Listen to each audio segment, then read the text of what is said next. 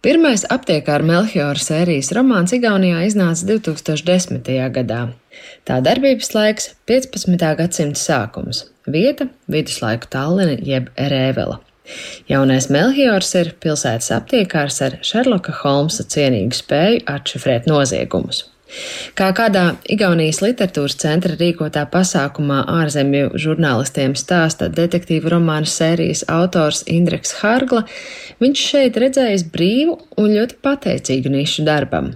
Kind of genre, like crime or medieval crime was well known in Europe Vēsturiskā krimināla romāna žanrs citvietā Eiropā bija ļoti izplatīts, bet Igaunijā tādu darbu trūka, saka Hārgla, un viņa pieredze ļāva pamēģināt.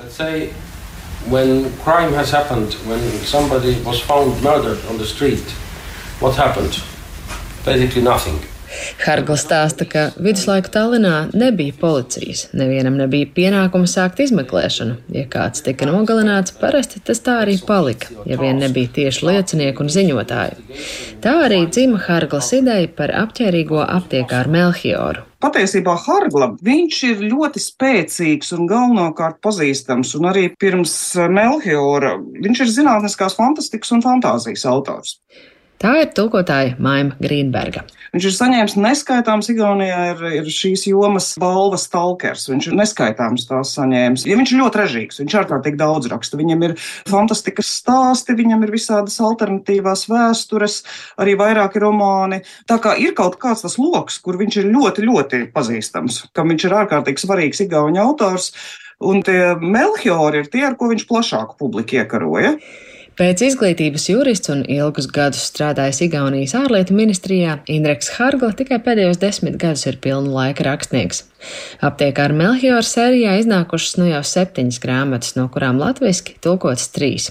Maima Grīnberga latviskoja pirmās divas un tulkoja arī filmu. Man liekas, ka es pati biju tā, kas piedāvāja zvaigznēto romānu tieši tāpēc, ka Igaunijas literatūras centrs droši vien bija tas, kurš tulkotājs iepazīstināja, ka nu ir iznācis tāds romāns, kas Igaunijā ir ļoti iemīļots. Tā kā man kaut kā likās, ka varētu pamēģināt. Es neesmu pati ne detektīva lasītāja, ne, man īpaši neinteresē šis žanrs, bet man likās, nu labi, varētu uz, pamēģināt. Un tad nu, tā arī tas notika. Zvaigzne bija arī uzaicinājusi Harglu uz Latviju.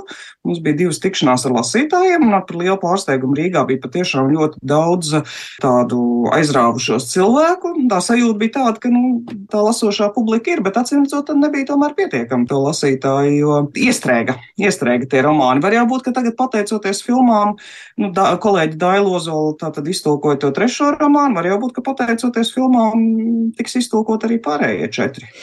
Maima Grīnberga tulkojusi arī igauņu vēsturiskā romāna žanra dižgara Jāna Krosa darbus, taču ar Harglas veikumu te paralēlis nevelk. Bet ietekmes no Jāna Krosa monumentālās stūrgalvības kronikas saskat vēsturnieks Andris Levāns, kura zinātnisko interešu lokā ir viduslaiki. Pats Indreks Harla gan kādā intervijā bija teicis, ka nu, viņa favorīts ir Agata Kristīna un Erkils Poirot.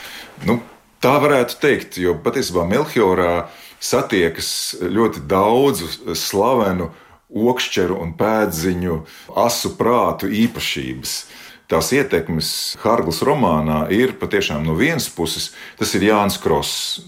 Būtu dīvaini, ja tā nebūtu, un viņa stāsts par Baltasaru Rusovu, manuprāt, šī ietekme ir ārkārtīgi spēcīga. Kaut arī varbūt autors, kā viņš arī vienā intervijā teica, ka viņš lūk cenšas ne no viena neietekmēties. No otras puses, es saredzu arī dzenu Umberto Eko ietekmi, proti, rozes vārds ar slaveno okšķeri Viljamu no Baskervils, kurš darbojas 14. gadsimta pirmajā pusē, kādā klosterī un tā tālāk. Un tā tālāk. Aptiekā ar Melchioru darbības laiks ir 15. gadsimta pirmā puse. Tas ir laiks, kad tagadējās Igaunijas un Latvijas teritorija ir Livonijas sastāvā. Livonijai un Baltijas jūras reģionam tas ir dinamisks laiks, kurā notiek daudz politisku kaislību, stāsta vēsturnieks. Mums vajadzētu aptiekā ar Milhioru iedomāties nu, tādā ļoti, ļoti raibā kompānijā. Nu, tāds personāžs kā Hildebrands Fekinghūzens, tirgotājs ar vārdu, kur uzrunājot, viņš šīs no svešām tālām zemēm vestās eh, lietas un substances varētu nopirkt. Vēl tie varētu būt gan Rēveles doma kungi, gan Rīgas domkungi, kuri tajā brīdī viena daļa grib atstāt Livoniju tieši tāpēc, ka viņiem ir dzīvības ir apdraudētas, tur ir konflikts ar Vācu ordeni. Tas peripētijas starp konkrētiem vēsturiskiem personāžiem nu, bija ārkārtīgi samezglotas. Tā rēvele atrodas tādā ļoti, ļoti dinamiskā laikā ierauta. Lai gan pats aptiekārs Melchiors ir rakstnieka izdomāts tēls, romānos netrūkst arī reāli vēsturisku personību un konkrētu Tallinas vietu, kuras turisti šodien apskata arī speciālās ekskursijās pa Melchiora pēdām. Andris Levāns ar interesi izlasījis pirmās latviešu iznākušās grāmatas un secina, ka Latvijas literatūrā analogu īsti nav. Vēl jau vairāk, ja mēs runājam patiešām pirmkārt par ļoti spilgtiem lūkšiem pēdziņiem, detektīviem, noteikti, ka nē. Otrs, ja mēs runājam par vēsturisko romānu, tad mums jau it kā ir arī Latviešu literatūrā vēsturiskā romāna tradīcija. Manuprāt, Mārtiņš Mintāvs par to ir interesants lietas uzrakstījis. Bet, eh, lai es teiktu tā, ka mums būtu ļoti spēcīgs eh, vēsturiskais romāns, domājot tieši par viduslaiku posmu, nu noteikti, ka nē. Man vienīgais, kas nāk prātā, bet tie vairs nav viduslaika, tas ir Jāņa Mauliņa pēdas, kas ir patiešām ir tāds esenciāls, fantastisks darbs, bet tas jau ir 17. Eh, gadsimta sākums. Viduslaika tā tad nē, tad te ir iespēja kādam jā, ļoti radošam romāna autoram kurš vēl nav atklājis šo lauku priekš sevis, izpausties. Jā. Aptiek ar Melchiora ekranizāciju vēsturnieks vēl nav redzējis, jo latviešu tā uz ekrāniem nonāks tikai šonadēļ, vairāk nekā gadu pēc pirmizrādes Igaunijā. Filmā ir arī būtisks Latvijas mākslinieku ieguldījums. Latvijā gatavoja vairumu dekorāciju, filmā spēlē latviešu aktieri Juris Strenga un Gatis Gāga, un filmas māksliniece ir Kristīna Jurjāne. Viņai tā bija pirmā sadarbība ar igauņu kolēģiem un režisoru Elmonu Iganenu. Man laikam palīdzēja tas, ka Elmona nu, Iganens ilgstoši ir bijis jaunā Rīgas teātra draugs Tallinā, un viņi bija pazīstami un ir pazīstami ar Alvi Hermani. Līdz ar to viņš diezgan droši uzticējās man, jo viņš zināja, apmēram veidu, kā es strādāju. Filmas uzņemšana notika Covid pandēmijas pirmajā gadā ar daudziem šķēršļiem un ierobežojumiem.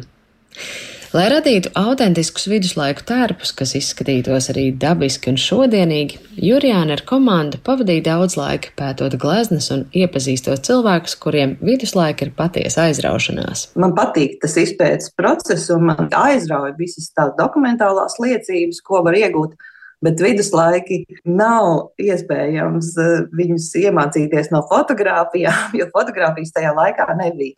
Nu, protams, visa glezniecība, sākot ar Džoto, Frančēliko un Mazačo, un ne tikai vācu, un ne tikai tuvākā Baltijas reģiona gleznotāji, bet uh, arī, protams, itāļi un spāņi. Jo skaidrs, ka viņi tajā laikā ceļoja iespējams vēl trakāk kā mēs ceļojam mūsdienās. Un, un tas, ka tās drēbes viņiem varēja būt ar dažādiem iespaidiem, ne tikai šeit pat no Baltijas, bet arī, protams, no Vācijas un Itālijas.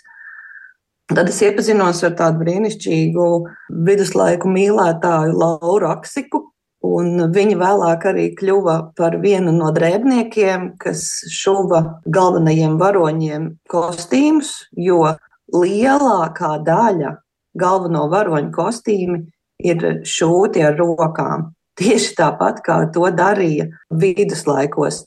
Filmā to arī var labi redzēt, ka mums pat pogas ir roku taisītas Savukārt Guna Zomere ar rokām gatavoja daudzus pārus viduslaiku ādas kurpju, Dominikāņu mūks tēvs Sergejs iedeva piegriezni mūka tērpam, viduslaiku vēstures rekonstrukcijas kluba Rodenpojas biedri ļāva iesties kauju tērpos. Un tad mēs pašas meitenes arī ieģērbāmies pilnībā tajos viduslaiku kauju tērpos, kas ir ārprātīgi smagi.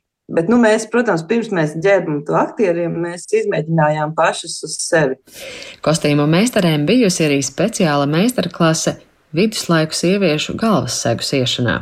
Ir jau ļoti daudz tie portreti, kur, teiksim, ir ļoti smalki portretēta tikai sievietes galva ar visu to tējumu. Un turpat var smalki redzēt, ka tas tā māliņa ir izšūta, un tām bagātākajām mums tā priekšējā māliņa bija izšūta, un tad uz tās priekšējās daļas ir kaut kāda pēra. Un tad eh, tā mums arī bija, ka tām bagātākām sievietēm mēs likām šeit vēl tādas rodiņas. Un uh, lielākā daļa bija tiešām mūsu pašu tāds ārprātīgi skrupulos darbs pie kostīmu laikošanas, jo mēs tiešām nelaidām prom nevienu meiteni, kamēr mēs nebijām izdomājuši viņai precīzi viņai piederīgu gan to sējumu, gan to, kā matus apakšā sataisīt. Mēs ļoti rūpīgi ar manām kostīmu meitenēm, Ievu un Bērtu un Baivu, kuras dzīvoja reizē ar mani Tallinā un dzīvoja vairāk par mani Tallinā. Mēs tiešām nelaidām garām nevienu, kamēr mēs nebijām rūpīgi piemeklējuši personīgi skaistu to dizainu, tā lai tas cilvēks izskatās īpaši. Filmu triloģijas budžets ir vietējās kino industrijas mērogiem iespaidīgs - 6 miljoni eiro. Filmā piedalās septiņas producentu kompānijas no trim valstīm. Latviju pārstāv Film Angels studio, kas iepriekš ar Igauniem strādājuši arī filmās Ātrie Igauņu zēni un Suflieris. Un te kāds mazliet neierasts pavērsiens. Līdzīgi kā suflieris, arī aptiekārs Melchiors ir nevis vienkārši tulkots, bet dublēts latviski. Melchior Vakensteede, apteeker. Tallinna Rae nimel määran sind oma abiks. aptiekāra Melchior, Tallinnas rātes vārdā ieceļu tevi par savu palīgu. Filmas ieskaņošanā latviešu piedalījušies tādi aktieri kā Egons Dombrovskis, Jānis Čivžela, Kaspars Znotiņš un citi. Interesanti, ka aktieri atlasīti arī vizuāli līdzīgi saviem igauņu kolēģiem, lai gan dzirdams tikai balsis. Producents Jānis Kalējs lēmumu dublēt filmu skaidro ar vēlmi sasniegt vairāk latviešu skatītāju. Tas ir tāds fenomens, ka tieši kaimiņu valoda mums ausī liekas ļoti jocīga, sevišķi Igauni. Un arī lietuvieši savā ziņā. Es nezinu, man ir bijuši dažādi viedokļi par šo, ka cilvēki saka, nē, vajag lasīt subtitrus. Bet tas ir apgrūtinoši, sevišķi, ja tev viss kaut kas tik krāšņs un gribas skatīties, jo tur nevar pat atrast nekāda rigauņu valodas. Nu, kā lai saka, mūsu ausīm mēs nevaram saprast kas tur notiek. Ja tu palaidi garām to vienu tekstiņu un neizlasi, tad var pazust arī viss, vispār ideja. Es pat pats atklāju kaut kādas lietas, tagad, kad mēs viņu iedublējām, kaut kādas nianses, ja, kas ir paiet garām. Vienkārši. Dublēšanas process studijā bijis laikietilpīgs. Kalējs mazliet atklāja aizkulises. Protams, ka tam, kurš ierunā, ir priekšā tā epizode. Un citā telpā sēž skaņu režisors, un, tad, nu, un, un arī Arī dažreiz es sēdēju klāt, kas sakot, nu, palīdzēt aktieriem uztvert to intonāciju vai to tēlu. Ja. Nu, tad, tad mēģina, kamēr viss saka, jā, tas derēs un nākamo. Vai šajā pilsētā spēkā ir līmenis tiesības? Vai ordeņa laupītāja likumi? Klingensteins no priora pieprasīja daunas kūsteņu. Kas?